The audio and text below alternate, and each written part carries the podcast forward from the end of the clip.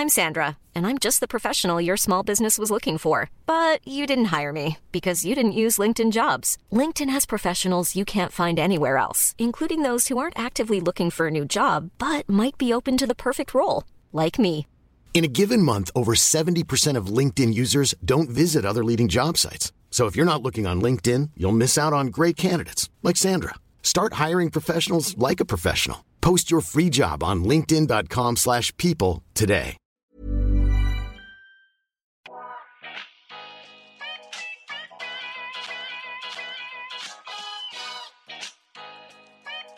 Välkommen till En timme med där jag, Sanja Tegeltia, träffar människor som inspirerar mig, som delar med sig om sina karriärresor, sina motgångar, om självutveckling och hur de har kommit dit de är idag.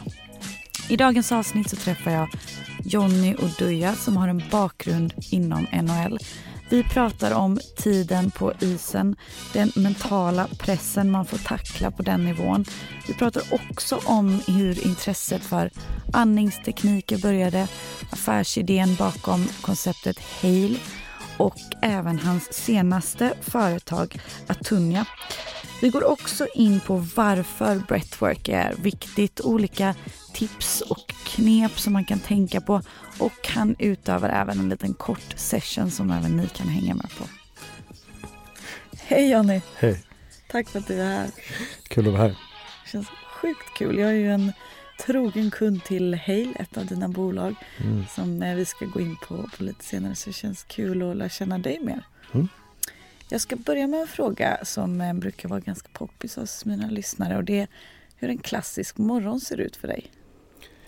En klassisk morgon. Jag brukar, eh, ja, men när jag vaknar, jag försöker gå och lägga mig hyfsat tid så 10, halv 11 skulle jag säga.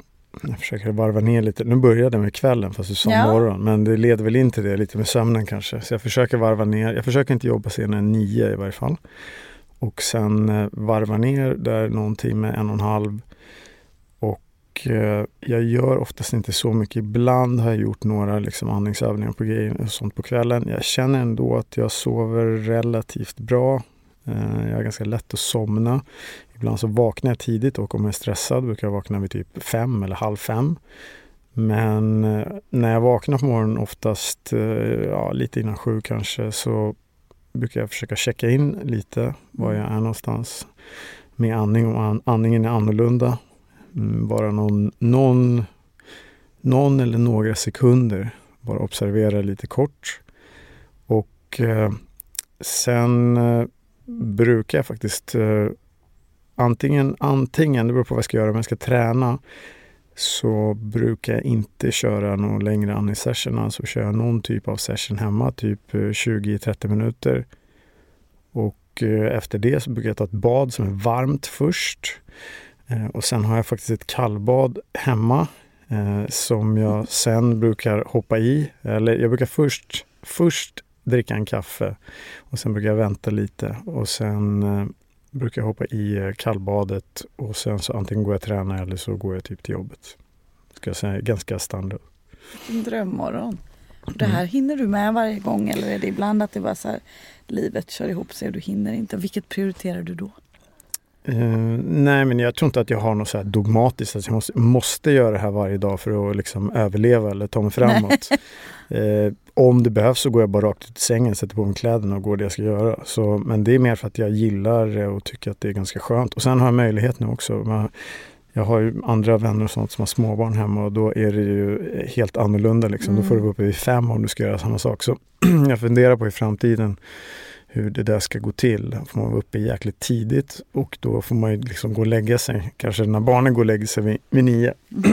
för att man ska orka med kanske. Så vi får se. Det funkar nu. Eh, Jag tror att jag är relativt eh, öppen till att eh, liksom hitta andra typer av rutiner. Men jag tycker att det är ganska skönt. Det funkar bra för mig. Nice. Och kan du inte berätta lite om din uppväxt och hur det kommer sig att du valde hockeyn? Jag är uppväxt i Årsta utanför Stockholm med, eh, eh, med min, eh, min mor som är gammal barnmorska och sjuksköterska var hon egentligen hela min, hela min uppväxt. Och min äldrebror, sex år äldre, gick bort för ungefär tio år sedan nu, motorcykelolycka. Men. Ja, tackar. Vi, ja, vi växte upp tillsammans och han är väl den som fick in mig liksom på, Eh, på hockeyn. Jag hade en äldre eh, syster också, eh, halvsyster på min mammas sida som också var med där i bilden, som jag umgås ganska mycket med nu faktiskt. Och ja, hockeyn vart väl, ja du har en äldre bror som spelar och det är liksom your superstar på något sätt och sen så blir det väl det man ska göra. Så han höll på att testa ganska mycket olika grejer och jag spelade egentligen bara hockey. Enda jag har gjort i eh, organiserad form. Så ja, jag vet inte, det var naturligt. Första gången jag var på hockeyrink var jag väl två veckor eller något sånt där. Oj, wow. Så det har, jag har blivit eh, indoktrinerad av sporten. Jag läste någonstans, jag har ju gjort lite stalking på dig att det var en självklarhet för dig att i väldigt tidig ålder att du skulle till NHL, att du hade det mindsetet. Stämmer det?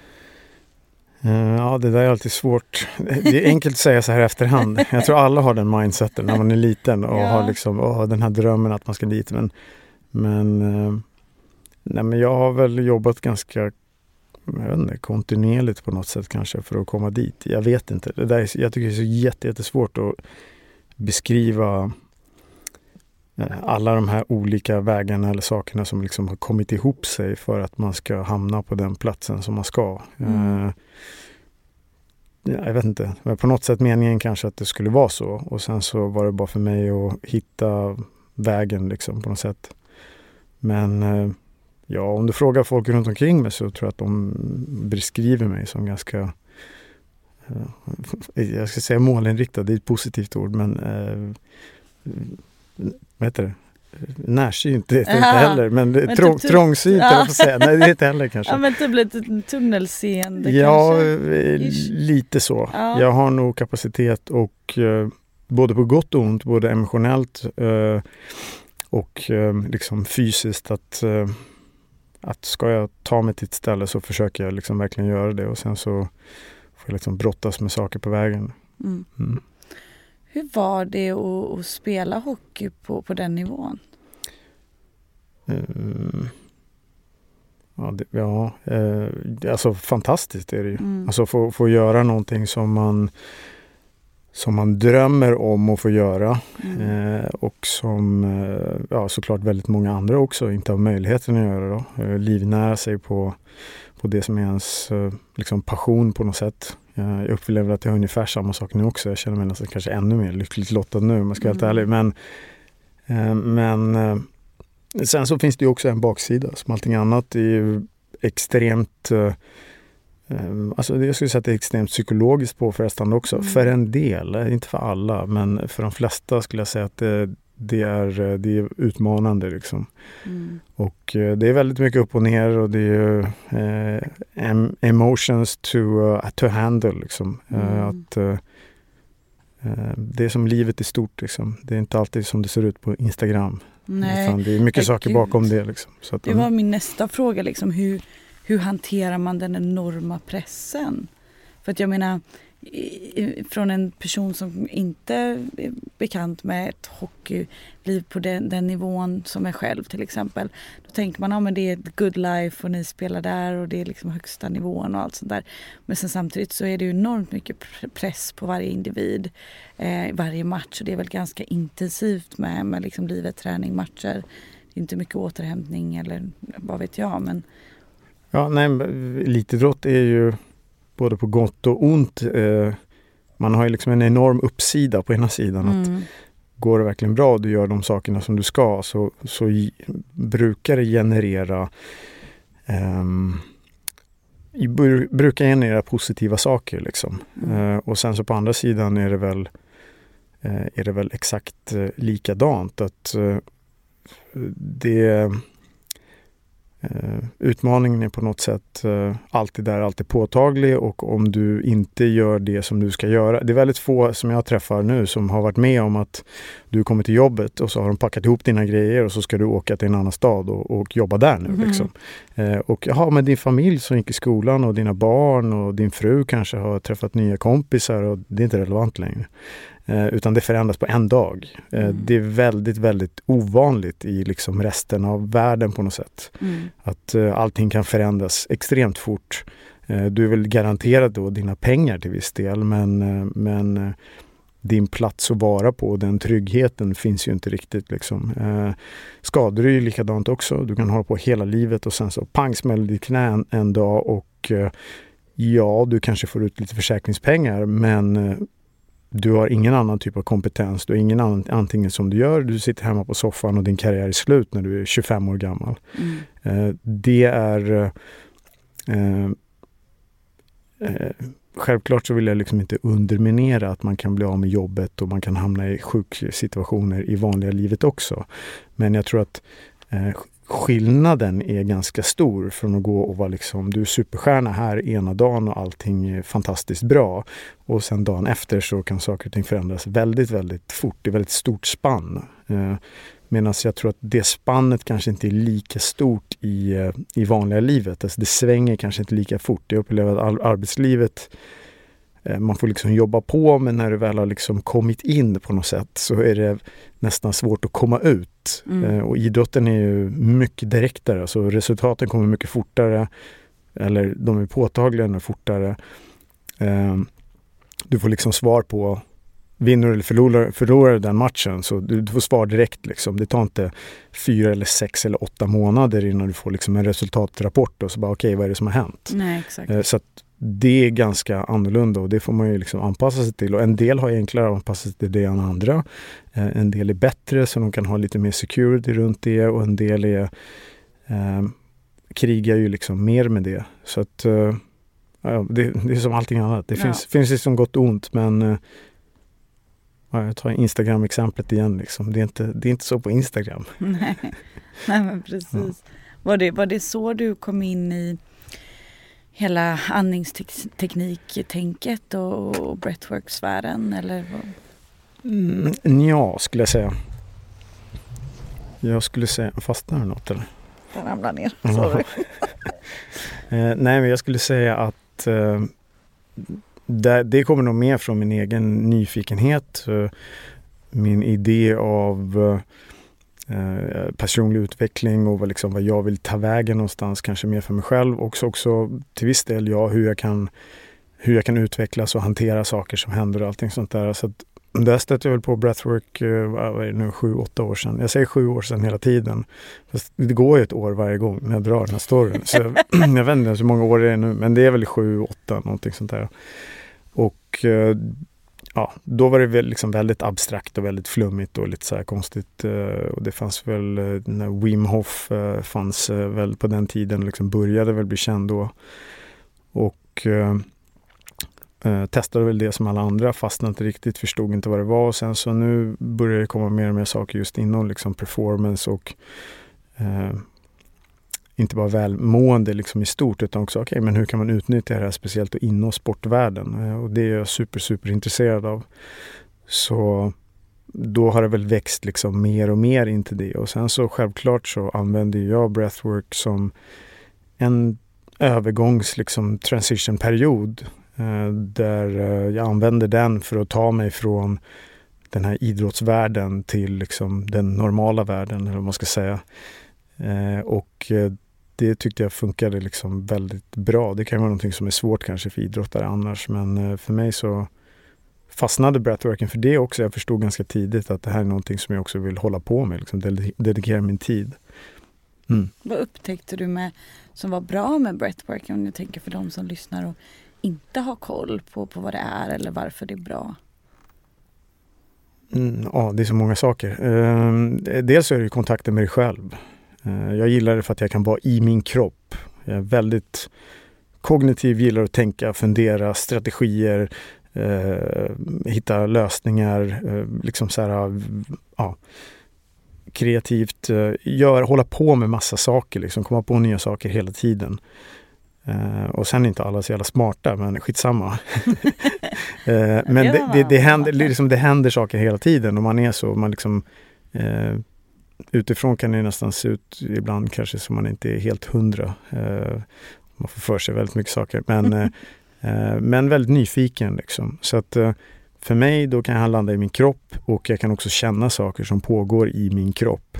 Och jag får liksom den där pausen. Jag har ju mediterat eh, en del också och varit på retreats längre och sånt där. Eh, och det här är väl liksom någonstans eh, speedtracken liksom in i meditationsstadiet, alltså det här theta brainwave-stadiet.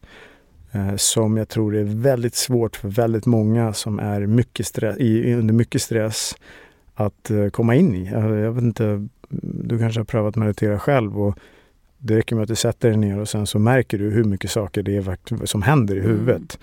Mm. Och liksom hur, hur länge ska man göra det här? Hur gör jag? Ska det vara så här? Orkar, liksom, det är ingen som orkar hålla på. Uh, och där tror jag breathworken är väldigt bra för att liksom bryta upp uh, Eh, bryta upp det som man har fastnat i och eh, också låta dig själv observera det liksom nästan utifrån ditt mm. eget psyke på något sätt. Det låter ju jättekonstigt kanske men, eh, men typ så blir det. Och det är möjligt att göra för nästan alla skulle jag säga. majoriteten av de som kommer på våra sessions är ju, upplever ju att det här är någonting som inte går att få tag på annars. Hur ska jag få tag på den här typen av känslan eller avslappning eller insikten eller eh, det fysiska liksom i min kropp, var jag är någonstans. Så eh, för mig var det väldigt värdefullt. Det är värdefullt fortfarande idag. Jag kommer på eh, mycket, mycket grejer och mycket insikter också. Eh, just den kreativa delen. Mm. Eh, så det är inte bara det är som en meditation. Meditation tror jag folk har en idé av att du bara ska sitta tyst i ett hörn medan mm. när du väl kommer in i det spacet och du har lärt dig koncentrationen så har du möjligheten att liksom observera och uppleva saker i det utrymmet. Right. I det meditativa utrymmet. Eh, och då jobbar du liksom på ett helt annat plan i hjärnan och alla liksom de här rädslorna och intrycken, alla saker som händer till vardags i vanliga fall, de är inte riktigt där och då kan du på något sätt komma åt din inre knowledge istället för att bara få information. Liksom. Så det blir som två olika stadier på något sätt. Eh, och det upplever väldigt, väldigt många eh, när det kommer till breathwork. Jag vet inte hur många smarta idéer som folk efter bara nu vet jag hur jag ska lösa det här. Jag har funderat på det i två månader. Så okej, okay, perfekt. Men det är som att hjärnan typ får en paus, vila ja. och från allting som du sa. Det är mm. som att, jag brukar säga att man är, strunt i den. Jag brukar, jag brukar säga som att man är mellan vakenhet och, att drömma. Jag har ju mm. några ring då som jag är väldigt nördig med att mäta med. Och varje gång jag har varit på, jag gillar ju de här som är heal då, att man lugn, väldigt lugnande breathwork. Men att man, den tror ju att jag har näpat varje gång 45 mm. minuter. Exakt. Det är ett ganska tydligt tecken på att kroppen är extremt avslappnad. Mm. Um, och det som du säger efteråt så är man så här, ja men hjärnan återställd och då kommer ofta idéer eller saker man kanske har glömt eller förträngt. Exakt. Men om vi backar bandet då, du har spelat NHL, du, vad får dig att, att lägga det på hyllan och, och dra igång Hale? Uh, ja, man blir äldre uh, så skaderisken går upp. Mm. Uh, man blir sämre som spelare. man tjänar mindre pengar. Och eh, ja, jag vet inte, det är liksom allting, allting går liksom bara åt fel håll på något sätt. Så till slut blir det så här, okej okay, hur länge ska jag liksom hålla på och suga ut det här sista? Jag vet inte, jag är så jävla, jag har ju haft o, oerhörd liksom eh, eh jag, vad ska man säga, tur kanske inte är bästa ordet, men alltså jag har fått ut så mycket av sporten så att det liksom hur mycket mer ska jag vrida ur liksom mm. trasan? Förstår du? Till slut blir det så här, men kan du inte någon gång vara glad för nu bara ser du inte vad du har fått för någonting mm. och gör någonting med det istället. Istället för liksom hålla på och vrida ur den här trasan och vrida ur, vrida ur, vrida ur tills du är 45 år gammal och sen så, ja, jag vet inte, that's it. Så för mig var det till slut kom det till en point där jag spelade sista året och det var väl mer för att jag ville ta reda på om det är det klart eller inte. Liksom. Eh, och den signalen fick jag ganska tidigt, liksom, efter två, tre månader. Att okej, okay, men nu tror jag att det är färdigt. Liksom. Mm. Eh, så det märker man. Jag tror ganska många atleter känner, jag har pratat med lite fighters som är samma, att du liksom efter ett tag så det är någonting som klickar in, klick och så är det så här, okej okay, nu går det inte längre, utan nu måste göra någonting annat. Eh, och det kan man ju vara glad att jag har haft. Jag är väldigt, väldigt glad att jag har känt det. För att då, jag tror att det är extremt jobbigt om du blir tvingad att sluta. Mm. Att du liksom så här, du känner att du har mer eller du vill göra mer och sen så kan du inte av någon anledning. Utan jag fick verkligen chansen också att liksom spela klart, vilket var fantastiskt och var glad och liksom tacksam för det jag fått istället. Mm. Eh, och det är jag fortfarande, så att jag skulle absolut inte vilja ändra någonting. Men jag vill heller inte spela hockey längre. Liksom. Det är ju mm. skitskönt, det kan inte bli bättre egentligen. Så eh, efter det så, ja som sagt, så jag reste runt lite en del och sen började då djupdyka mer in i breathwork-världen framförallt. Tränade ganska mycket och liksom så här försökte att helt enkelt läka mig själv tror jag på något sätt. Eh, och inte inte så mycket eh, att det var liksom någonting fel på det sättet utan eh, jag, vet inte, jag drog liknelse eh, tidigare idag också att eh, ja, men du jobbar lång tid och så åker du på semester eller du åker till landet. Och så tar det liksom en eller två veckor innan kroppen liksom landar. Mm. Eh, och så tänker du det att det är 30 år. Eh, och det är, liksom, det är någonstans där, alltså, det tog två, tre månader och sen så hjälpte breathworken till. Eh, och du liksom, saker och ting släpper ur nervsystemet, du märker hur du förändras, din hjärna förändras. Och sen så liksom efter ett halvår så har du liksom, ja, du är på en annan plats helt enkelt. Mm. Eh, och det var väldigt bra och där, där var ju breathworken väldigt, väldigt viktig liksom i den transformationen eller vad man ska säga. Och där får jag väl också insikten eh, under alla de här typerna av sessions som jag håller på med att eh, det här är väldigt intressant. Och om jag varit nu liksom i biohacking, eh, performancevärlden i, i tio år eh, och jag har liksom stött på det här men inte riktigt förstått vad det är. Och det är väldigt få, nu är det ju mera, men liksom för fyra, fem år sedan så var det väldigt få när man pratade om performance och breathwork som liksom de förstod inte vad som var vad och hur man skulle göra. Och liksom, så här, det är egentligen det jag håller på med nu också. Jag försöker få in det så mycket i sportvärlden som det går. Um, så där får jag ju den känslan, okej okay, men det här är någonting som jag tror, är det så här värdefullt för mig och, och, jag kan använda det på det här sättet så tror jag att det kommer vara det för andra också. Mm. Och sen så måste man alltid testa liksom sin tes. Eh, där det har varit väldigt, väldigt abstrakt och väldigt flummigt, liksom likt yogan var för 15-20 år sedan. Mm. Och, och eh, ja, kom tillbaka till Sverige och sen letade rätt på alla människor jag kunde hitta mer eller mindre. Eh, som höll på med det här. Hittade eh, co-foundern också nu som på, eh, på Hale, eh, Daniel Müller Gonzales som är Wim Hof level 2-instruktör. Hållit på mycket med det under sin tid men är väldigt bred, håller på med allt egentligen du kan tänka dig inom breathwork. Extremt duktig, kunnig eh, och vi har också samma vision att så här, varför håller inte alla på med det här och varför eh, vet vi inte om det? Eh, någonting som är så, så naturligt och så enkelt. Och vi vet typ ingenting eh, generellt och som samhälle skulle jag säga. Eh, så det var liksom uppenbart att ja, men det här vi, vi, måste göra någonting med det här. Liksom. Eh, så då började vi hålla sessions eh, lite, liksom så här, lite random på dansskola på på Odenplan, så det var så lite underground. Mm. Och det är väl så breathwork har varit hela tiden. När jag har alltid gått så har det varit lite underground, eller ja. någon källare eller något så lite special eller eh, neonlampor. Eller så. Det är alltid någonting sånt. Det är inget fel med det, eh, absolut inte. Men jag tror också för att få kunna träffa en lite bredare publik så behöver man liksom man behöver göra det lite mer cleant på ett sätt och inte så dogmatiskt utan eh, mottagligt för så många som möjligt. Mm. Och hur bygger man det och hur gör man det fortfarande tillräckligt liksom abstrakt och intressant för att det också ska sparka liksom intresse. Att oh, vad coolt, det här är ändå någonting nytt och det här skulle jag vilja pröva och se om det här är någonting för mig. Mm. Eh, och såna, vi får ju väldigt mycket sådana liksom, eh, som är eh, som tänker det, nej men yoga är inte för mig och jag har prövat meditation, det funkar inte och så här, okej okay, men det här kanske skulle kunna vara någonting för mig. Mm. Liksom. Um, så att det är väldigt, väldigt intressant och nu är det ju nu är vi liksom inne i företagsvärlden uh, på ganska stora företag och ser hur vi kan jobba med dem också. Och då är det inte så mycket flum. Men däremot så kan ju upplevelsen vara precis vad den är för individen. Så det är inte det är inte upp till oss vad Nej. folk upplever. Utan vi kan prata om fakta och liksom, eh, studier och forskning. Eh, men vi kan också prata om liksom det humana i connection i ett företag till exempel.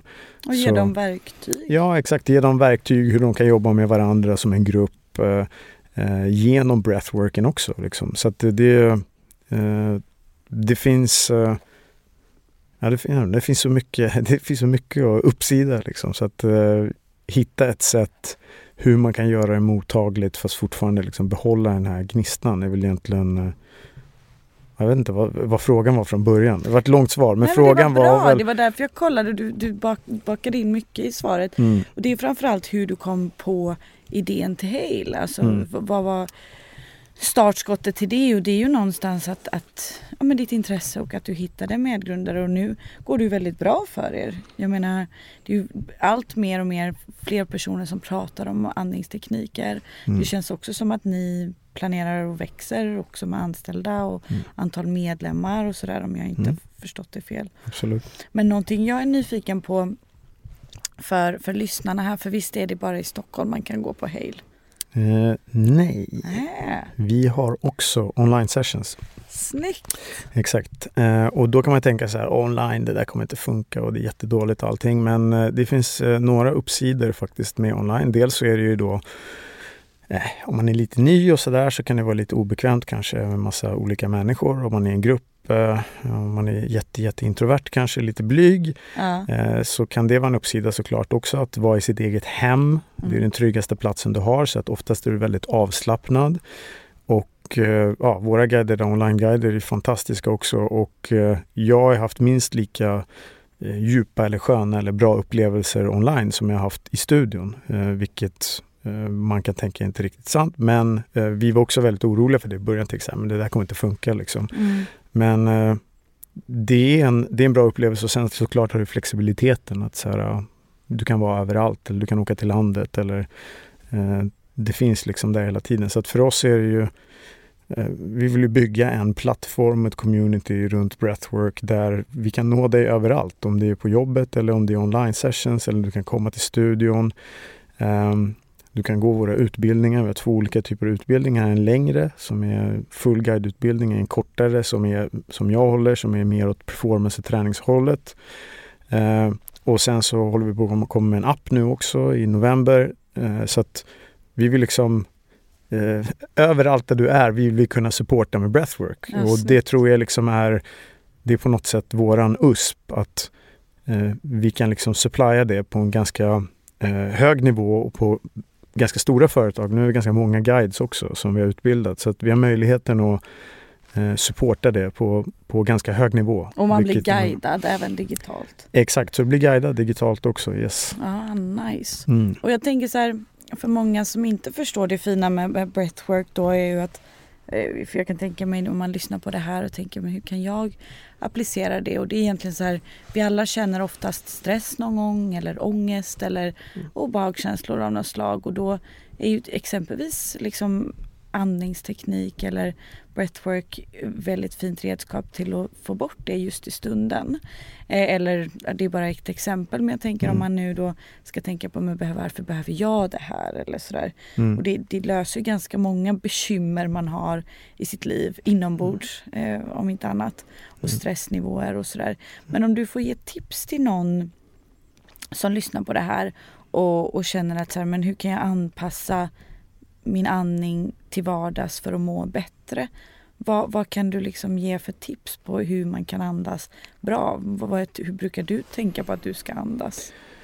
Uh, ja, det är några saker att mm, eller fundera på. Om jag börjar med. Men för, först att det är bra att förstå att uh, andningen är precis som många andra saker som vi lär oss också någonting som är eh, eh, inlärningsbart av oss som människor eller organism eh, omedvetet eh, om vi vet om det eller inte. Liksom. Vi tar in saker, tar in intryck hela tiden. Eh, så att det är möjligt för oss eh, att påverka andningsmönstret eh, genom eh, olika typer av vanor. Liksom. Så att eh, enkelt exempel är eh, du ska gå upp på en scen och hålla en föreläsning och eh, helt plötsligt börjar ditt hjärta slå och du märker att din andning är annorlunda. Du försöker kontrollera den och resultatet av det kan bli olika saker. Ibland kan det bli bra men ibland kan det bli väldigt dåligt också. Mm. Så att det finns hela tiden liksom en trigger till ett invalt beteende eh, eller en vana eh, som vi andas på helt enkelt. Eh, och den kan se olika ut vid olika situationer. Det är ju ganska normalt att man lägger till sig med en väldigt stressad liksom, toppandning till exempel, mm. när man är, när man är jätte, jättestressad. Um, Toppandning är alltså i bröstet? Exakt, upp i bröstet. Precis, jag mm. visar det här för det är en kamera kommer jag på. jag tänkte... ja, nej, det är Eh, så det känner ju nog kanske många, många igen sig i att oh shit, nu, nu känner jag att min andning är väldigt högt upp. Liksom. Eh, så självklart vill vi ha tekniker för att eh, för att på något sätt motverka det i stunden. Så det är en sak. Men det som vi egentligen vill åt och det som är super, super intressant här är ju att när man väl börjar observera andningen så kan man notera hur den förändras vid olika tillfällen. Så du kan notera att när du går upp på scenen, shit nu förändras någonting här. Mm. Eh, och eh, det är egentligen där man vill liksom komma åt sen från början, för det är egentligen början av liksom problematiken. Mm. Så först vill du ha liksom teknikerna för att kunna lösa ditt problem, men medvetenheten av vad som händer dig är egentligen det vi vill komma åt från början. Och eh, vad vill jag komma med det? Jag vill egentligen lär dig observera ditt andetag och vad som händer. Men, eh, men för den skullen så behöver man liksom inte, man behöver inte vara super, super nojig att liksom, oh shit, nu har jag toppandning och nu kommer allting gå åt helvete. Det blir lite ungefär som att ha, nu har du åraringen, så nu kan du mäta när du sover. Men du är orolig för att du inte kommer somna. Och så kan, kan du inte, somna. Exakt. Är du med? Så ja. det är lite samma typ av grej. att eh, nu är det också väldigt mycket prat om andningen och det är väldigt många som kommer till oss och säger jag tror att min andning är en katastrof. Och jag bara, och vad är det som får dig att tro det? Bara, mm. Nej men jag är stressad. Så bara, ja fast din kan, andning kanske anpassar sig till det. Du vet du inte liksom. Så att det, eh, jag tror också man kan vara lite, lite ödmjuk i det helt klart. Självklart så finns det liksom mekaniska sätt. Vi pratar ju om eh, ja, diafragmaandning till exempel. Att man liksom eh, jag ska inte säga att man pushar ut magen för det är helt fel. För det är egentligen 360 graders liksom, eh, expansion och djup i andetaget. Man kan sänka frekvensen på utandning till exempel. Eh, Sådana små grejer som också ger lite koppling för nervsystemet och puls och sånt där. Eh, och vad, till vardags är det väl eh, egentligen de enklaste sakerna och, och försök att tänka på är nog bara observera lite ta en dag när du funderar några gånger på shit, vad är min andning nu och hur känns det liksom? Och om någonting händer, mm. kan du känna, kan du se vad som händer med andetaget i sånt fall? Eh, så det är väl ett ganska bra första steg liksom att börja och fundera lite på det. Och sen såklart, känner du att du är super, super stressad så vi kan göra en sekund där, en andning ifall du vill. Gärna, ja. det är nämligen så, min nästa grej. Okej, det var din fråga där, så jag ledde in på den här. Superbra. Ja, men så, så det man kan göra finns ju en någonting som heter Sigh of Relief eller lättnadens suck egentligen och det är från Stanford University forskat på som eh, snabbaste sättet egentligen att eh, komma in i nervsystemet, eh, en parasympatisk eh, aktivering kan man kalla det nästan och, och eh, det man gör är att man tar två andetag in genom näsan som vi kan testa nu mm. på en gång. Så du kan börja med att andas ut. Oj! Nu, nu ringer polisen också. Nej, jag som hade ljud. du stängde av den istället? Ja. ja. Det här är perfekt. Så nu måste vi, nu måste vi nu andas. Är min puls. Exakt, nu är din puls jättehög. Det här är perfekt. Det här var det bästa som kunde hända. Och Superbra. mamma sent from above. Exakt, ja, du ser, nu, ser, nu är det perfekt. Okej, okay. okay, så börja med att eh, andas ut genom munnen. Och sen två andetag in. Så ett andetag först in ungefär 70% i magen, så försökte få det djupt. Och sen 30% upp i bröstet. Och sen släpp ut genom munnen. Så kan en till in genom näsan. Upp i bröst. Precis, och bara släpper ut andetaget så mycket som möjligt på vägen ut. Kan ta en till sista.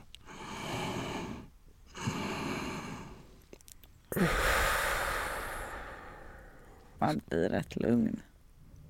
Ja, det är nästan som man känner bara på de här tre. Ja. Du kan göra det där fem, sex, sju gånger. Tio kanske och sen så bara sitta lite lugnt och så har du fått kort paus bara för nervsystemet. Så vi brukar säga till folk, som nu då, om någon ringer och hetsar dig direkt, lägg bort telefonen, ta några andetag lugnt, kanske går in i ett annat rum på jobbet. Eh, så ta några sådana andetag. Eh, och sen liksom försök att sitta med det lite, lite också efter så att du inte bara liksom springer ut direkt utan låt dig få en liten break. Vad kan det här ta? En minut kanske, två max. Um, så enkel, enkel teknik liksom att jobba med. Så det du gör är egentligen du tar två andetag genom näsan, första in i magen mer, mm. andra upp i bröstet. Yes. Sen pustar ut genom munnen. Yes. Så det som händer är när du gör det här att uh, ja, utan att vara för teknisk, jag på säga, men det finns ju en idé om det här med syre och liksom koldioxid hela tiden. Och, uh, att det är, syre, eller det är syret hela tiden som triggar när vi andas och det är inte riktigt sant utan det är koldioxidtrycket i blodet som stiger eh, och det är det som triggar nästa andetag hela tiden. Så att oftast har det väldigt, väldigt gott om syre.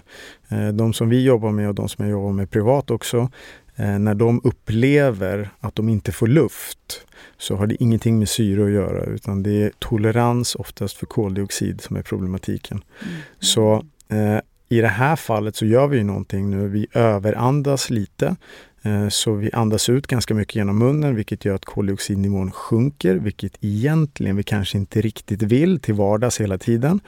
Men eh, i den här eh, övningen så får man med sig istället då eh, den här signalen till nervsystemet som gör avslappningen. Så att eh, alveolerna som har utbytet mellan syre och koldioxid, de öppnar upp sig mer och släpper ifrån sig lite mer koldioxid. Så det är lite Eh, det är lite speed tracking liksom eh, mm. till, eh, till den här avslappningen då. och då får man den där aktiveringen också av den delen av nervsystemet. Då. Så att det går ganska fort och, och få effekten. Liksom. Ja. Wow, och jag vill innan vi, vi rundar av så vill jag också fråga om eh, ditt senaste bolag eller ditt, om man får säga, det är väl det senaste. Eller jag, tror att, ja, jag vet inte vilken som börjar först. Den andra börjar nog fan före tror jag. Jag tror att Hunja börjar före. Atunia. Mm. Och kan du inte berätta lite om Atunia? Jag, jag läste även ehm, Ja, men det, nej, jag ska låta dig berätta min, min research. vad har du läst? nej, men det tar jag efter tänker jag. Mm. Kan du inte berätta, vad är Atunia? Eh, Atunia är ett sportvarumärke eh, för män som det ser ut just nu. Jag tyckte att det fanns så mycket bra grejer för kvinnor. Ni har alla roliga, holistiska, fina, bra märken. Och sen för killar är det så här, ja det finns tre stora märken och sen finns det inget mer. Liksom. Mm. Eh, och framförallt inte när det kommer till hård performance så kan du liksom blanda performance och holistiska värden. Liksom, vore skitcoolt. Eh, så det har vi. Eh, förhoppningen är såklart att kunna bredda det där i framtiden men eh, ja, man får liksom rikta in sig på någonting. Var kommer det fina namnet ifrån? Namnet kommer från, det är min pappas eh, modersmål Luo och betyder hämningslös. Så tänk dig en sån afrikansk dans där de springer runt. Ah, liksom. Det är också benämningen för eh, för lejon. Så lejon, det kan vara lejon men också framförallt le vad lejonet är. Liksom. Ah. Um, så vi tyckte att det var väldigt snyggt. Det är svårt att hitta bra namn ah. nu för tiden. Allting är taget liksom. Så att, nej, det var grymt. Det var väldigt, väldigt bra. Så vi försöker väl, alltså det, det jag tror liksom växer fram mer och mer inom det också, att det inte för mig bara ett varumärke att sälja kläder egentligen, utan mm. det jag tror att jag försöker göra fundamentalt är nog att förflytta sporten som jag har varit i. Um, hockey är väl den mest uh, traditionella och kanske segregerade uh, lagsporten i världen, skulle jag kunna tänka mig om man kollar liksom socioekonomiskt och demografiskt hur det ser ut. Uh, och det är det är på både gott och ont. Det är väldigt coolt för att eh, eh, det finns liksom en unik struktur eh, och en unik kultur. Eh, det är väldigt, till exempel väldigt, väldigt svårt för varumärken som kommer från hockey att ta sig ut ur världen. Mm. Det eh, finns inte någon som skulle ha på sig ett hockeyvarumärke som inte spelar hockey. Nej. Men det är också lika svårt för varumärken utifrån. Eh, Nike försökte ju någon gång på 90-talet att köpa upp Bauer och ta sig in i hockeyn. Eh, de misslyckades med det. Det är världens största idrotts eller sportvarumärke. Eh, det är fascinerande. Ja. Det är extremt fascinerande.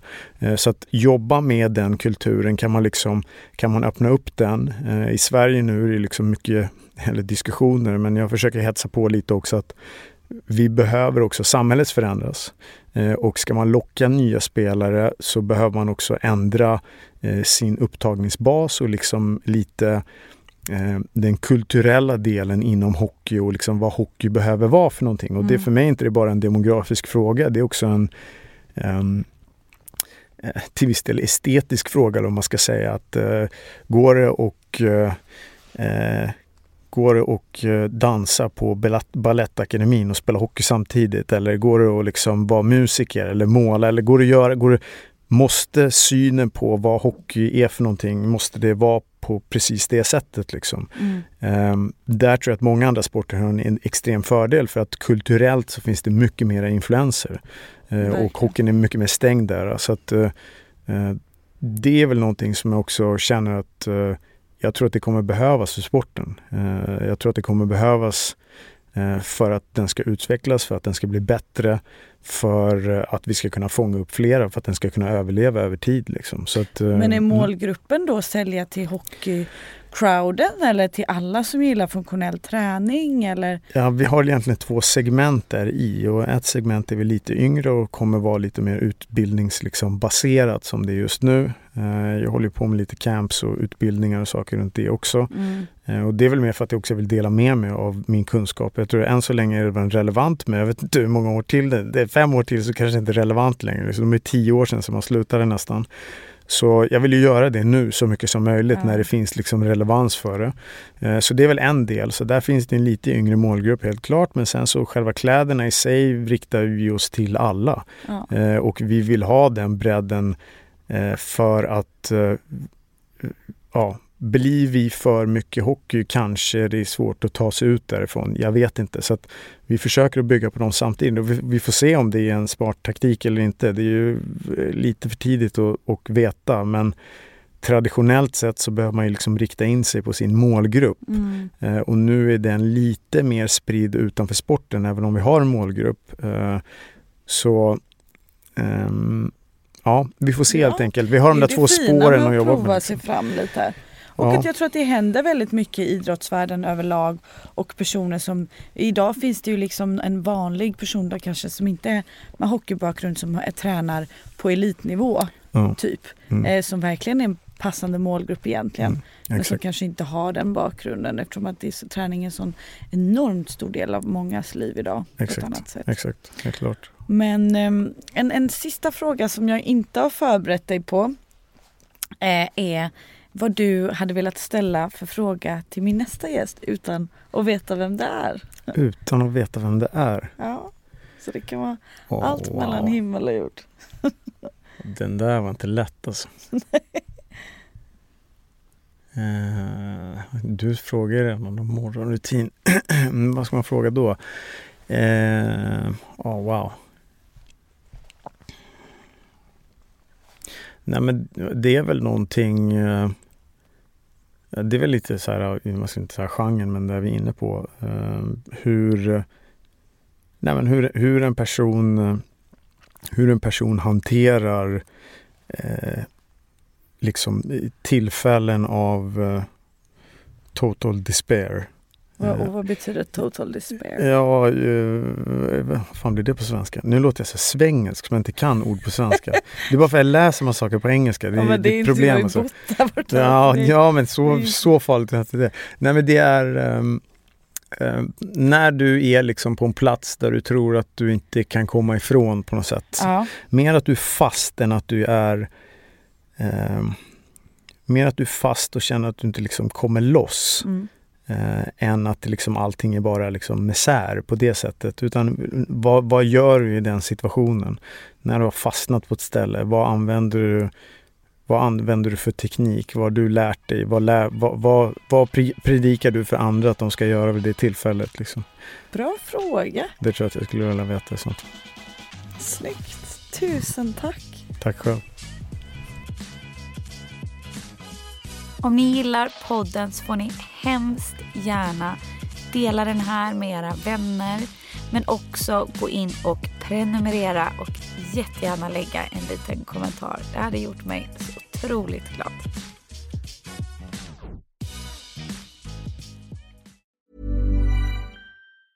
Hej, det är Danny Pellegrino från Everything Iconic. Ready to upgrade your style game without blowing your budget? Check out Quince. They've got all the good stuff shirts and polos, activewear, and fine leather goods, all at 50 to 80% less than other high end brands. And the best part? They're all about safe, ethical, and responsible manufacturing. Get that luxury vibe without the luxury price tag. Hit up quince.com slash upgrade for free shipping and 365 day returns on your next order. That's quince.com slash upgrade. Even when we're on a budget, we still deserve nice things. Quince is a place to scoop up stunning high-end goods for 50 to 80% less than similar brands. They have buttery soft cashmere sweaters starting at $50, luxurious Italian leather bags, and so much more. Plus, Quince only works with factories that use safe, ethical, and responsible manufacturing. Get the high-end goods you'll love without the high price tag with Quince. Go to quince.com/style for free shipping and 365-day returns.